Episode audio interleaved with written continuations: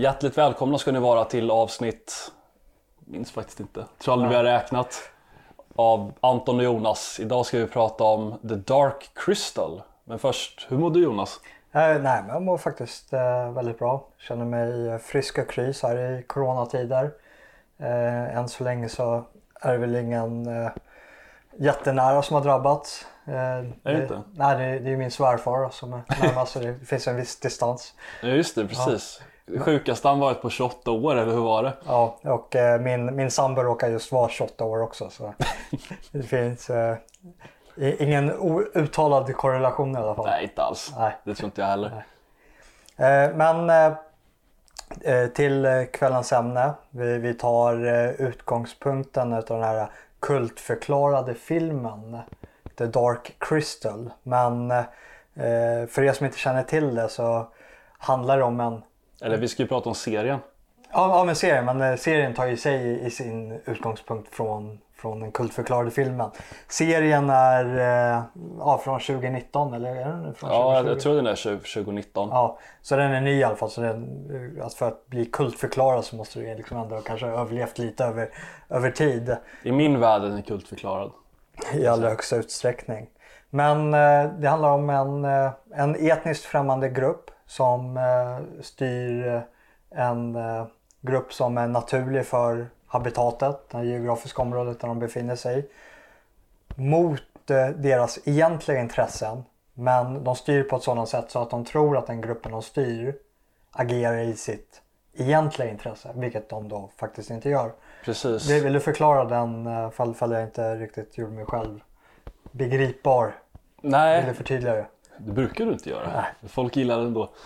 Nej men det, det är en fantastisk serie. Jag såg den här om eh, förra hösten och eh, jag blev helt, eh, helt begeistrad faktiskt. Jag tyckte det var så fantastiskt för handlingens upplägg är att det finns ett folkslag som kallas för gelflingar som är någon sorts lite så trevliga alv slash troll liknande varelser. Alla som gillar fantasy och Sagan om ringen och sånt kommer väl känna igen sig lite. Och det, det som är handlingens kärna är att det här folkslaget bebor en värld som kallas för Thra.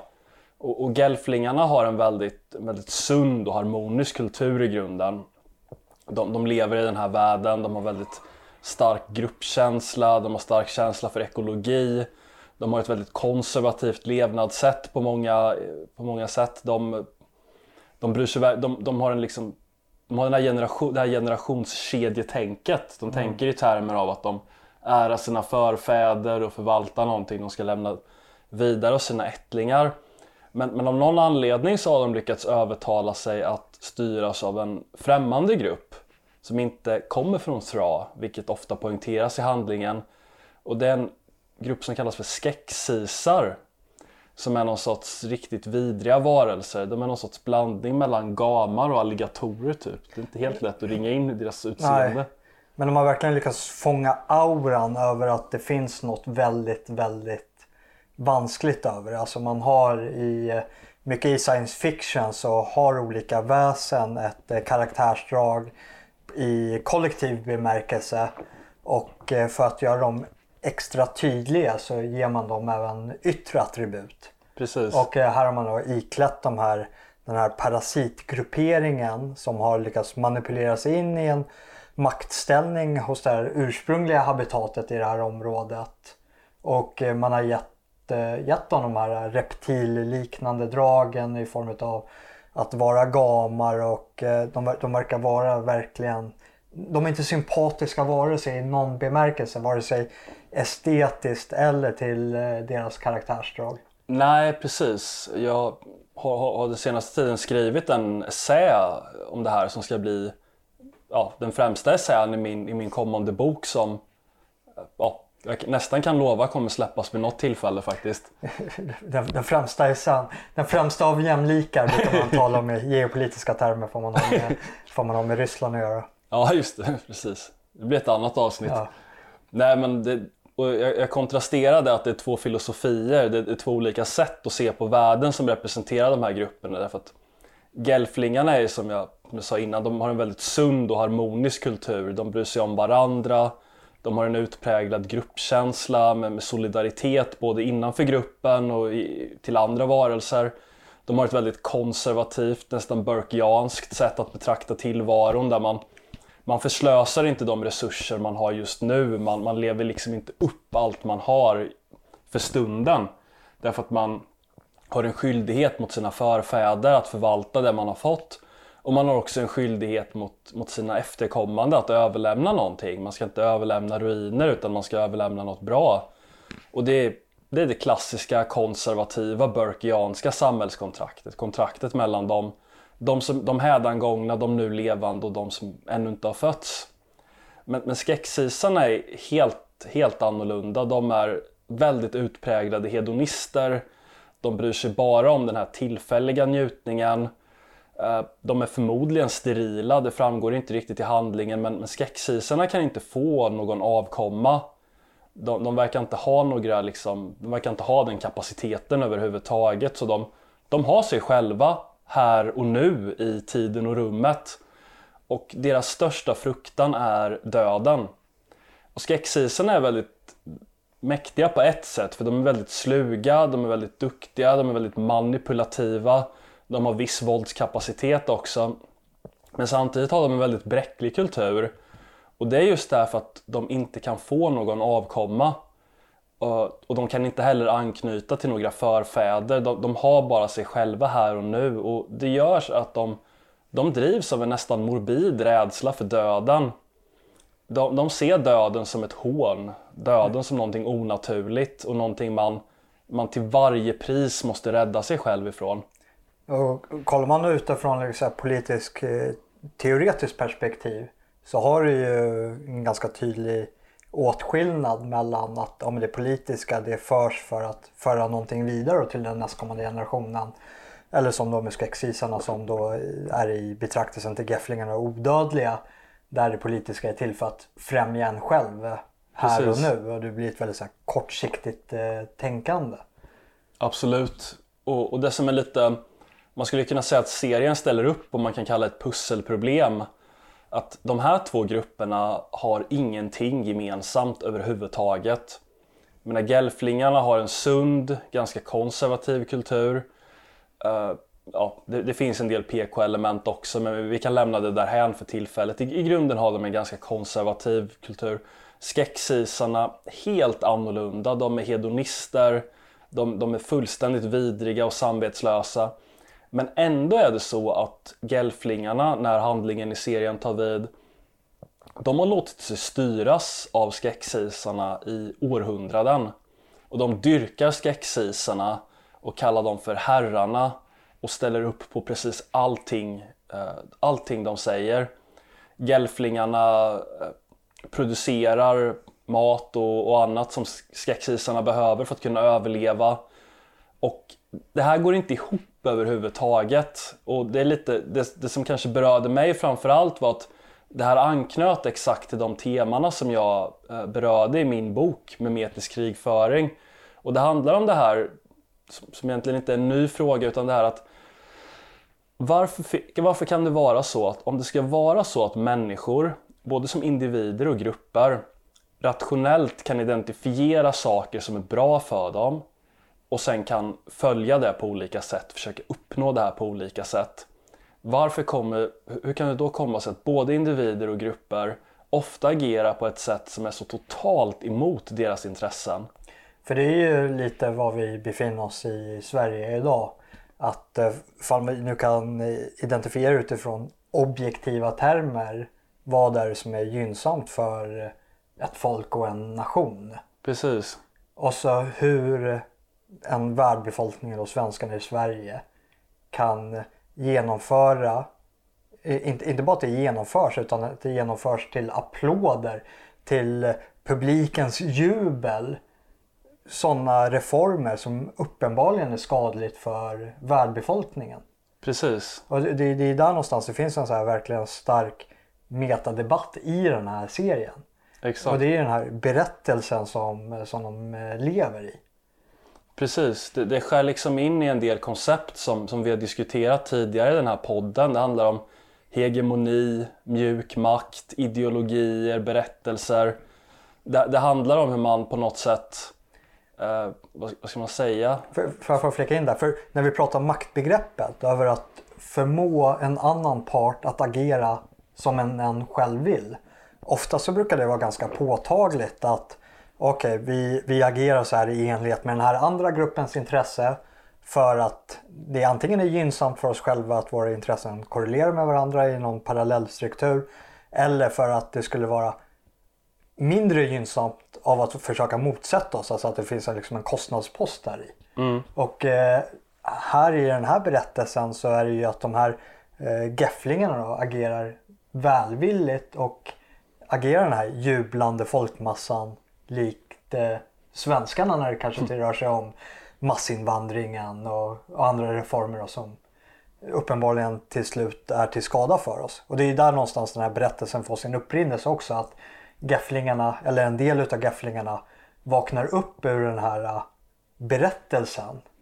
Och, och, ser att eh, skexisarna som styr oss, att det sker faktiskt på vår egen faktiska bekostnad. Precis, alltså det, det skär in i ganska många politisk teoretiska koncept det här. Och, eh, men, men, ut, det som är behållningen är att det blir på intet sätt krångligt men, men, man kan se att det finns där. Och jag tänkte på en sak framförallt att eh, någon, en annan tänkare som, som funderade på det här problemet det är Antonio Gramsci som jag är säker på att många har hört talas om tidigare. Och han var en marxistisk eh, ledare på, eh, i Italien ungefär samtidigt som Mussolini verkade. Och eh, han trodde ju i likhet med många andra marxister stenhårt på, på revolutionen helt enkelt. Eh, att den skulle kunna förverkligas i hans hemland. Men, men så blev det inte utan arbetarna visade inget intresse att vilja göra revolution utan de, de stödde hellre fascisterna. Och, och Gramsci hamnade i fängelse och då fick han anledning lite att reflektera över de här sakerna. Var, varför det inte hade blivit som hans marxistiska teori hade förutspått att det skulle bli. Varför hade inte arbetarna gjort det som han tyckte att, tyckte att det låg i deras intresse att göra? Oh. Och då la han fram ett, ett väldigt användbart koncept som, som många på högerkanten har tagit till sig som kallas hegemoni. Och hegemoni är egentligen konsten att bygga upp en kulturell struktur som gör att man kan lite förbikoppla människors, uppfatt eller människors uppfattningar om vad som är bra för dem. Därför att det som var Gramscis idé var att arbetarklassen var helt indränkt i reaktionära värderingar av olika slag. Att det handlade inte bara om den här typen av rå makt, det här som är pistolen mot huvudet och där man blir tvingad att göra någonting som man egentligen inte vill. Utan det handlar om att skapa frivillighet. Och det gör man genom samhällets kulturella institutioner, genom religionen, genom det som uppfattas som sunt förnuft och så vidare. Det är det. Om människor i allra högsta utsträckning anpassar sig till den rådande kulturen, till de gängse normer som existerar. Och eh, om man motsätter sig dem så kommer du också att eh, få smaka på en ganska kraftig social stigmatisering. Mm. Och eh, om man då har en eh, individ som påpek påpekar att ja, men den rådande kulturen eller de normer eller levnadsförhållanden som vi lever efter idag är i själva verket skadligt för oss antingen på kort sikt eller lång sikt så kommer det att eh, komma med ganska kraftiga kostnader utan att eh, makteliten behöver gå in och tysta den här individen. Just på grund av att massan gör det jobbet eh, åt den. Precis. Eh, och, och, en, en retorisk fråga Jonas. Ja. Att om, om man gick runt till olika svenskar, alltså vanligt folk och så frågade man att Tycker du skatt är stöld? Ja. Hur många skulle svara ja på den frågan? Nej, det, det är ju en halv promille om, om ens det. Ja, och många skulle säkert hänvisa till vad man skulle kunna kalla sunt förnuftsskäl. Att det är klart man ska betala skatt, det är klart man ska göra rätt för sig. Ja. Men, men så, så, är det ju med eh, så filosofiska sanningar. Att eh, fall inte de filosofiska sanningar ligger inom den egna normstrukturen så kommer ju den att förtryckas bort som eh, vansinne fram till dess att eh, normernas egna konsekvenser tvingar normerna att förhålla sig till en filosofiska eller liksom faktiska sanningen och då kommer den tas som självklar och utgöra en del av det nya sunda förnuftet. Och tar man då till exempel ditt exempel där med att man gör en enkätundersökning och frågar svenska folket är skattstöld? Så kommer alla svara nej, mer eller mindre. Men om du gör samma enkätundersökning och eh, kategoriserar och eh, gör en begreppsapparat som definierar stöld och eh, egendomsrätt och sen frågar så kommer folk fortfarande, alltså att du by, by, bygger upp eh, den argumentationsstrukturen eh, som kan påvisa att skatt är stöld. Så kommer de fortfarande svara att skatt inte är stöld. Och det är lite i den berättelsen vi hamnar med skexisarna och gelflingarna här också. Precis, därför att någonstans Karl Marx hade ett, ett användbart begrepp som han kallade för ideologisk naturalisering. Och det handlar egentligen om att någonting blir så självklart att det inte längre uppfattas som, som ideologi utan det, det uppfattas bara som sunt förnuft. Att om du konfronterar en, som i vårt exempel, gemene svensk och säger är du tvingad att betala skatt så, så tror jag de flesta i sin ryggmärgsreflex säger nej. Utan det, det, är liksom något man ska göra, man ska göra rätt för sig. Det, det är som att staten har pistolen mot huvudet. Mot... Och, och sen när man har kommit förbi det stadiet, ja, men då skapar man istället ett tolkningsföreträde och förevändningar utav eh, det abstrakta samhällskontraktet att ja, men vi betalar det utbytet för det här. Och sen så går man ännu längre in i det och liksom kollar upp och blickar ut i det nutida svenska samhället och ser man ju att men, vi betalar inte ens det för det och då börjar man med eh, vad som numera kanske kallas för boomerpostningar över att samhällskontraktet är brutet och så vidare. Ja, newsflash, det har aldrig funnits något samhällskontrakt. Ja, Medan i själva verket så kanske det finns en maktstruktur som arbetar för eh, Eh, den eh, utvecklingen som vi ser. Mm. Alltså är du tveksam på eh, människors motiv eller något sånt där så kan man kolla på utfallet och leda det tillbaka. Och där någonstans så lyfts det upp i den här serien The Dark Crystal över Dels innan, innan vi går in på det så, så, så, tror jag att för att vi ska ta det i kronologisk ordning. Så du brukar ju prata mycket om berättelser. Mm. Att man lever och agerar utifrån en berättelse och det säger någonting mer än att man bara lever och agerar utifrån sina intressen eller att man bara lever och agerar utifrån sin identitet utan det är, berättelsen är någonting som väver samman allting och mynnar ut i det egna agerandet.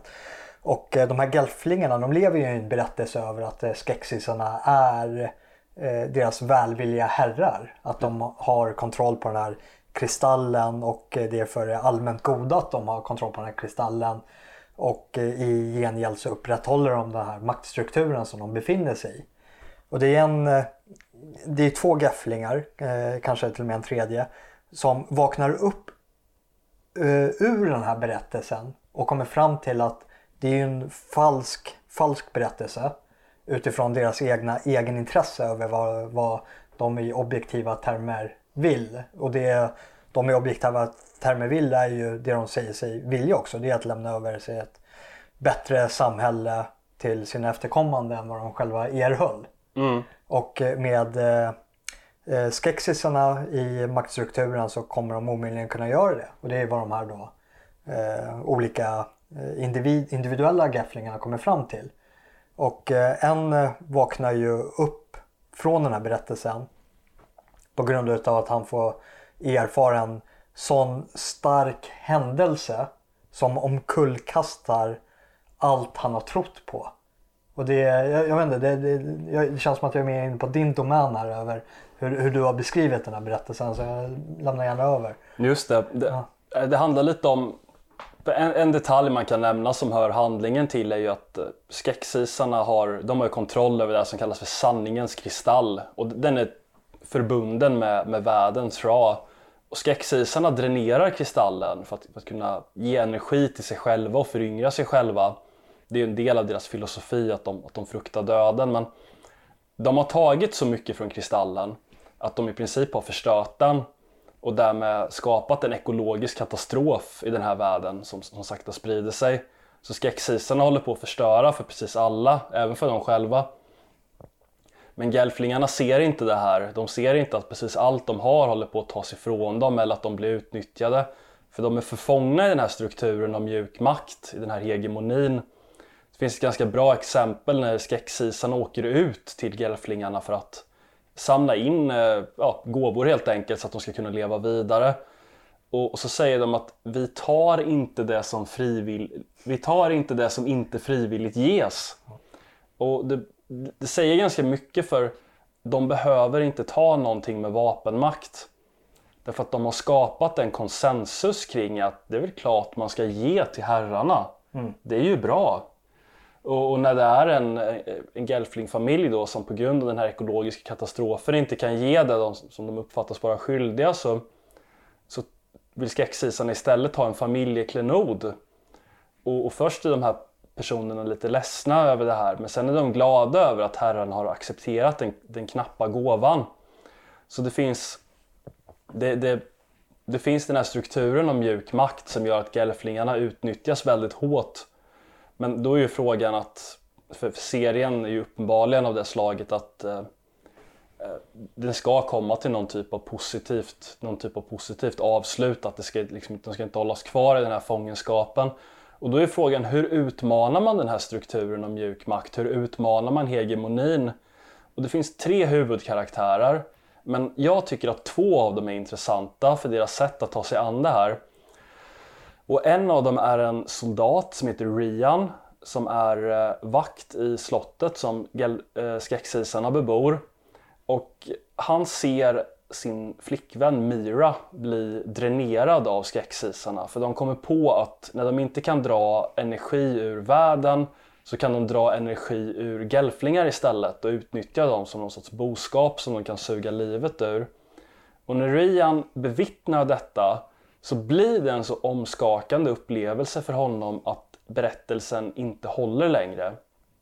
För berättelsen säger ju att skexisarna är odödliga, att de är goda, att de vill gelflingarnas bästa. Men här kommer någonting som han ser med sina egna ögon eh, som blir så totalt omskakande att han bara inte kan ignorera det. Utan han blir tvungen att göra revolt mot skexisarna. Och det, det, finns ju så här äh, nutidsrelevans i det här. För vi kollar i, äh, i den politiska oppositionen och då menar jag kanske inte bara nödvändigtvis vår politiska opposition utan i alla former utav olika politiska oppositioner. För all form av politik kommer ju med konsekvenser. Mm. Oundvikligen. Och de konsekvenserna kommer ju liksom vibrera den här berättelsen som man lever i. Och äh, ett konkret sånt händelse är ju när när ett ohyggligt dåd händer i Sverige eller i västvärlden som inte borde ha hänt på grund utav om vi inte hade haft den förda politiken. Och eh, människor som överlever det här eller har anhöriga som har drabbats märker hur politiker tar förövarna i försvar och försöker förminska eller liksom förmildra omständigheterna för offren över att det kanske inte var så allvarligt. Och man kanske måste tänka på ja, men som Dan Eliasson uttryckte det i SVT-intervjun över man vet inte vad det är för trauma de här människorna bär med sig och kommer hit med och vi måste ha förståelse för det. Och människor som drabbas av de här händelserna de kommer ju vakna till utav en snäpp på ett helt annat sätt än vad, en, eh, vad de har gjort i sitt vardagliga liv i övrigt. Mm. Och eh, sådana människor, och det tycker jag är intressant med, med den här serien. Och det är att när den här gafflingen eh, Rian ser sin eh, flickvän bli eh, mördad utav de här skexisarna och går ut och varnar sina kamrater, sina vänner. Så är det ju precis på samma sätt som kanske en yrvaken svensk oppositionell som har blivit drabbad av en allvarlig händelse eller haft någon nära och kär som har blivit drabbad av en allvarlig händelse och sett de, hur den ledande klassen har förringat vissa saker. Och bara stöter på ett, en total dissonans från sina medmänniskor. Att jo, jo men så, så där är det nog inte. Nej, men det, där, det, där, ja, det var ju synd att det där hände men eh, det, det, det har ingenting med det här att göra. Och så, vidare, och så blir det nedspelat. Och, om den här individen fortsätter trycka på det, att det är någonting som är ruttet i vårt system som vi måste ändra på. Ja, vad är det som händer? Jo, den personen blir socialt stigmatiserad. Ja, han utsätts för väldigt starka sociala repressalier. Och det var ju det som också hände då, den här soldaten Rian när han försökte eh, uppmana eh, sin, sin egen gruppering till att eh, skexisarna är inte vad ni tror att de är. Precis. Som, som är det en annan karaktär också, nu, nu kommer jag inte ihåg vad hon heter, men den här prinsessan. Mm.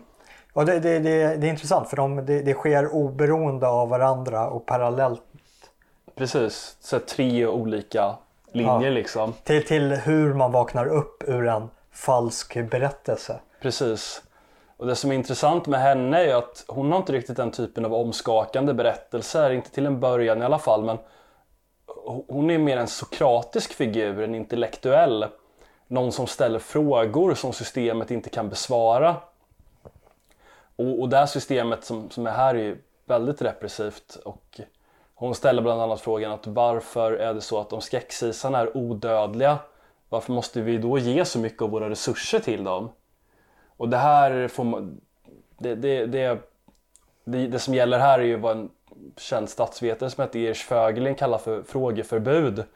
Det vill säga frågor som man inte får ställa inom ett visst system därför att det skulle kunna hota systemets överlevnad. Men hon resonerar sig fram till problemen med systemet genom att observera vilka frågor man inte får ställa.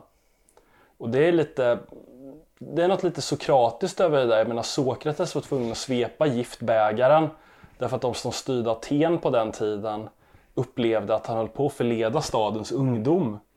Och det var ju för att Sokrates frågor utmanade systemet. Han ställde frågor om gudarna och om etablissemanget ja. på ett sätt som skulle kunna leda folk i fel riktning som de såg det. Och det, det är en ganska kraftfull metodik för det det, det handlar om är ju att eh, väcka folk. Alltså vad vi i daglig mening idag talar om att ta det röda pillret. Och eh, det gör man eh, lättare med att få enskilda individer att tänka och resonera själv än att du presenterar ett faktablad med statistik. Så frågor utan att du själv tillhandahåller svaren är ett väldigt eh, farligt vapen för liksom den befintliga maktstrukturen egentligen oavsett vilken, vilken du befinner dig i. Ja, alltså fan, ligger någonting i det. Men, men det som också är värt att tänka på är att alla de här människor, eller de här gelflingarna som, som hör Rian till exempel, de har ingen anledning att misstro honom överhuvudtaget. Utan han, han, han är inte känd för att vara någon lögnare eller sådär men han blir jagad, han blir oerhört hånad och ja, möter på oerhört motstånd från andra gelflingar på grund av det här. Ja, hans egen familj vänder sig emot honom ja, också. De, de tycker att han är galen. Det liknar lite valrörelsen 2010. När det blev en folkspott bland duktiga, duktiga medborgare att ta avstånd från sina barn eller föräldrar ja. om de röstade på SD. Man får lite igenkänning faktiskt om, om man var med på den tiden. Men det som man kan tycka här är ju att de här personerna de utsätter sitt folk för fakta som är ganska rimliga. Men ändå så, så blir de totalt avvisade mot bättre vetande. Och då kan man ju fråga sig varför. Och det som är svaret på det, eller ett tänkbart svar i alla fall, är ju att berättelsen kan inte utmanas utan vidare. Och det som en av de mer slipade skräckisarna säger, en person som kallas hovmarskalken.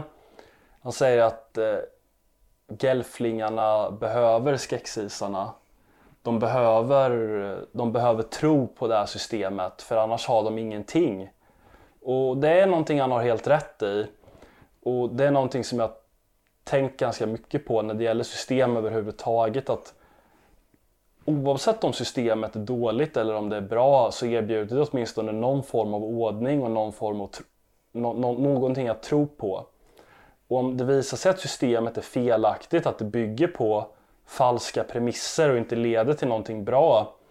Det betyder att väldigt många människor har investerat väldigt, väldigt mycket i någonting som faktiskt har visat sig vara, då, vara dåligt. Och om man, om man måste avfärda det man har, då har man ju ingenting. Och jag, jag tyckte Jordan Peterson formulerade det ganska bra i sin bok 12 livsregler att det blir en fråga om ordning kontra kaos. Att du får väldigt starka be belägg för att det du har är falskt på ett sätt eller annat. Men du vill inte acceptera det. Därför att om du accepterar det så öppnar sig en avgrund under dina fötter och du har ingenting säkert att stå på. Och där finns det ju också att eh, ja, men kan man reformera systemet? Kan vi bara justera berättelsen? För berättelsen är ju trygg i sig själv, som du säger. För överger vi den nuvarande berättelsen, vi vet inte vad som kommer härefter. Och då ser man det här spelet eh, mellan eh, vad man kanske kan kalla det pragmatiker i den här serien också. Över hur eh, en av de här Gelfling-prinsessorna försöker att eh, spela någon form av kohandelsspel med skexisen att vara dem halvvägs till lags för att behålla någon form av befintlig maktstruktur för att eh, ordningen ska kunna upprätthållas och inte kaos eh, liksom spricker ut. Fast hon har ju en lite annan psykologi också. Ja, för hon, det, det vill säga förrädarens psykologi. Jag tänkte på, på en till aspekt på henne också. Vi kan gå in på förrädaraspekten som hon har också. Att hon förrå, faktiskt förråder de egna genom att eh, eh, vilja göra gemensam sak med skexisarna. Men det är att hon befinner sig, även fast det är skexisarna som är på topp i pyramiden i den här maktstrukturen. Så finns det ju ändå en struktur inom gelflingarna själva som förlitar sig på det rådande systemet. Mm. Och eh, den här gelflingen är eh, i en av de stammarna som, det är sju stammar som utgör gelflingarna, så är hon näst på tur att bli stamhövding. Mm, just det. Så hon har ju ett starkt egenintresse utav att nuvarande maktordning upprätthålls. För det innebär att ja, hon kommer vara på topp fast underordnad skräcksissarna. Och om den här berättelsen försvinner, ja men vad försvinner med den? Jo, även eh, maktstrukturen som finns internt inom gafflingarna. Det är ingenting som säger att eh, de gamla hövdingarna i gafflingstammarna som eh, har varit eh, skexisarnas förlängda arm eh, genom årtusendet kommer få vara kvar. Om något så är det ju de som har varit skexisarnas megafoner. Alltså eh, skexisarnas politiska kommissarer på, på mark. Mm. Och blir det en riktig samhällsomvälvning, ja men vilka är det som ryker med skexisarna? Jo, men det är ju de som har hjälpt till att upprätthålla den maktstrukturen som skexisarna befunnit sig i. Och vad har du fått fram då? Jo, du har fått fram den här förrädararketypen som, som du är inne på. Mm, just det. Jag uppfattade inte den karaktären riktigt som att det fanns något rationellt egenintresse där. Även om jag inte säger emot det i princip, för det är ju fallet, det är ju exakt som du har beskrivit att om den ordningen ryker så blir det ju vad man skulle kalla elitrotation. Det kommer bli en helt ny elit med helt andra prioriteringar. Mm. Det kommer ju bryta med den gamla maktordningen. Men jag tyckte att det här porträttet som de målar upp av den här karaktären, som är, hon är en prinsessa då som heter Brea. Och Brea, det finns vissa mer, mer psykologiska än ideologiska aspekter till den här karaktären. Att hon har ju fostrats väldigt hårt för att bli den här arvtagerskan då. Mycket hårdare än vad hennes systrar någonsin har blivit. Och det har gett henne någon sån känsla av distans till, till sin familj som, som är väldigt konstig. Och det leder till att hon, hon knyter an till den här främmande gruppen istället. Skräcksisarna som, är, som inte bryr sig om henne överhuvudtaget. Men på något kompensatoriskt sätt så försöker hon ändå liksom knyta ett band till dem. Och, eh, när, det, när det ställs på sin spets och man, det blir liksom allmänt accepterat inom Gelfling-gruppen att skräcksisarna förmodligen är dåliga eh, så väljer den här karaktären att stå, stå kvar vid skräcksisarnas maktordning. Och hon gör det av, av de här kompensatoriska psykologiska skälen att hon inte verkar kunna hitta den här anknytningen till sin egen grupp. Så hon väljer den främmande gruppen trots att de bara utnyttjar henne för sina egna syften. Och vid något tillfälle så, så liksom når ju det här sin förlösning när hon kommer och försöker förhandla med dem om ja, den här kohandeln som du pratade om innan. Och, och de skrattar åt henne och säger, och säger till och med till henne rakt av att du är en förrädare. Du har inte varit lojal till din egen grupp. Du är kall till och med efter den bedrövliga standard som vi skräcksisar ja. håller. Ja. Det är ganska tungt ändå. Ja, det är som vi pratade när vi pratade om påsken och Kristus. att Vilka är det som är i helvetets nionde vändkrets? Mm. längst ner i Dantes Inferno? Jo, det är ju förrädarna. Ja, det är ju sådana människor som borde ha hållit in rygg men som inte gjorde det. De har förrått sin familj, sitt folk eller någonting de borde vara lojala mot. De... De, de har inte ens varit passiva. Nej. Utan man har tagit en aktiv del i din egen undergång. Mm. Det, det, är, tunga, det är tunga ord och det är, det är en uh, tung last på deras axlar när uh, domedagen väl kommer. För att vi ska fortsätta på det kristna temat. Nej men det, det, som är temat också, eller som, som blir lite förlösningen i berättelsen är någonstans att det räcker inte med att bara eh, ställa frågor som ett system inte kan eh, besvara. Det räcker inte med att konfrontera människor som tror på en berättelse med empiriska fakta om någonting. Det, det är ett första steg men, men det kommer inte nå längre än så utan det som verkligen håller tillbaka gelflingarna från eh, Eh, att se sanningen om skräcksisarna det är att de är rädda för vad som, eh, vad som väntar bortom berättelsen. De, de, de väljer hellre ordning än kaos. Men det som blir brytpunkten i handlingen när de verkligen kan våga se skräcksisarna för vad de är och våga se sanningen om det här fruktansvärda som pågår i deras värld. Det är när den gamla berättelsen eh, där skräcksisarna dominerades kan bytas ut mot en ny där gelflingarna dominerar och där de ersätter det här kaoset med ordning istället. Och det är väl lite det som är någonstans nyckeln till det här pusselproblemet. Utan att det är inte bara att, att, att motbevisa en berättelse med logik eller att motbevisa den empiriskt utan det handlar om att kunna ersätta den med någonting nytt för människor att tro på.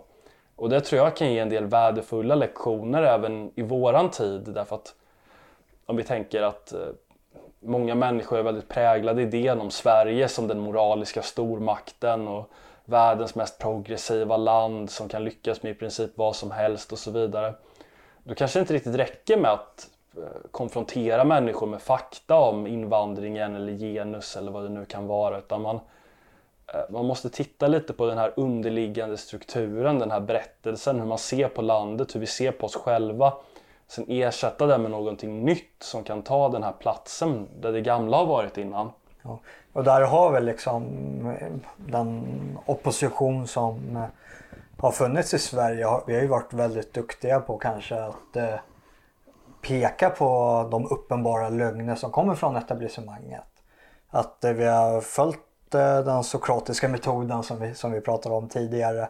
Och så får man lögner tillbaka mot den som är i ständig förflyttning utifrån omständigheterna över vilken rörlighet det finns inom etablissemanget och även på den egna individuella basisen. Vi har ju till exempel ja, justitieminister Morgan Johansson som eh, pratade sig varm om eh, problemen kring att eh, vi inte kan utvisa människor från det här landet efter att de har begått diverse riktigt horribla våldsbrotten på grund utav anledningar. Och de anledningarna brukar oftast vara att eh, man eh, har förövaren i åtanke över vad som kommer hända med han i sitt eget hemland. Mm. Och vad sätter det i perspektiv till hur man betraktar offret? Eller det framtida offret som ännu inte har blivit begått. Till att det idag följer följa någon form av svallvåg efter eh, en eh, ganska, stor sverigedemokratisk förändring i opinionen där den Sverigevänliga rörelsen växer och vår maktbas måste förhålla sig till oss på ett helt annat sätt.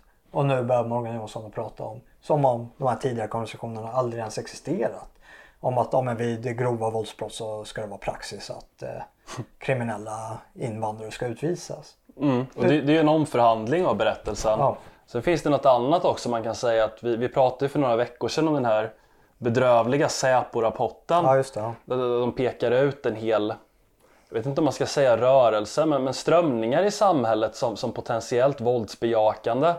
Vilket ju är bisarrt när, när, när alla vet och när alla belägg pekar på att om det finns några man ska se upp för, dels är det ju vänsterextremism ja. Och dels är det ju islamistisk extremism. högerextremism. Det är ju liksom, jag säger inte att det inte har funnits folk som varit på högerkanten som Ja, varit det- våldsamma men det är ett marginellt fenomen. Ja, alltså det, det, det är så marginellt så att det inte ens förtjänar begreppet marginellt. Och det är viktigt här just med den här omförhandlingen av berättelsen. Mm. Att eh, det är samma berättelse. Även fast den omförhandlas. Det är liksom, Precis. den här berättelsen måste slås i spillror. På samma sätt som eh, Gelflingarna inte kan omförhandla berättelsen med skexisarna. Hur den berättelsen än omförhandlas så kommer skexisarna att vara på topp i pyramiden. För, Exakt. för det är endast det utrymmet som en förhandling för skexisarna kan äga rum. Precis. Allt annat är ju bortom kompromissen. Och då är det några, några helt andra regler som gäller. Sen är det ju den här mångtusenåriga visdomen man kan ta med sig från de gamla grekerna att om, om någon kommer som Sokrates och ställer frågor som systemet inte kan besvara eller tycker är för jobbiga då kommer de säga här, här är giftbägaren. Ja. Och det, som jag ser det så är det det som, Se- som Säpo gör när de skriver en rapport av det slaget. De identifierar människor som är obekväma för det rådande politiska systemet och de säger där är giftbägaren, drick den. Ja. Och det, det sker via de här påtvingade sociala stigmatiseringen som får bärhet under eh, forskarrapporter och myndigheter likt eh, den med Säpo. Och det, det var ju samma sak från, eh, ja, från mitt eh, gamla lärosäte Försvarshögskolan vars eh, professorer släppte en eh, forskarrapport om antagonistiska hot i lokalsamhället. Där eh, salafister, IS-anhängare vävs samman med föreningen Det fria Sverige. Ja, Det, menar, det är helt absurt. Det är en framing som inramar ett faktiskt påtagligt fysiskt hot. Inte att eh, de här salafisterna eller IS-anhängarna utgör något form av strukturellt hot över att kunna omkullkasta Sverige och göra det till en IS-stat i liksom rimlig närtid. Och så sätter, men, men det, det är liksom ett, det är ett våldsamt hot. Och så sätter de det mot ett sokratiskt hot. Att du har en eh, kaffe och fikaförening på högersidan som påpekar eh, uppenbara lögner i den nuvarande berättelsen. Och så Ja. klumpas de samman som, ja men här är de lokala hoten som existerar. det blir ju bisarrt. Jag menar det fria Sverige driver Svenskarnas hus. Folk åker dit för att umgås, gå på föreläsningar, dricka kaffe och äta grillkorv. Och det, det är någonting som, som ditt gamla lärosäte Jonas tycker är fullt jämförbart med att åka ner till, till Mellanöstern och kriga och avrätta barn. Typ. Jag måste säga att jag, jag älskade mitt gamla lärosäte. Det, det var i många avseenden eh, eh, i min mening ett av Sveriges bästa. Men eh, i, när det kommer till det här så tar jag avstånd och fördömer. Bra, bra. Eh, ska, ja, ska vi avsluta med de fördömande orden? Ja, vi, vi gör det. Ja. Och eh, ja, vi syns till eh, nästa avsnitt här utav Anton och Jonas. Ja, tack för att ni lyssnade.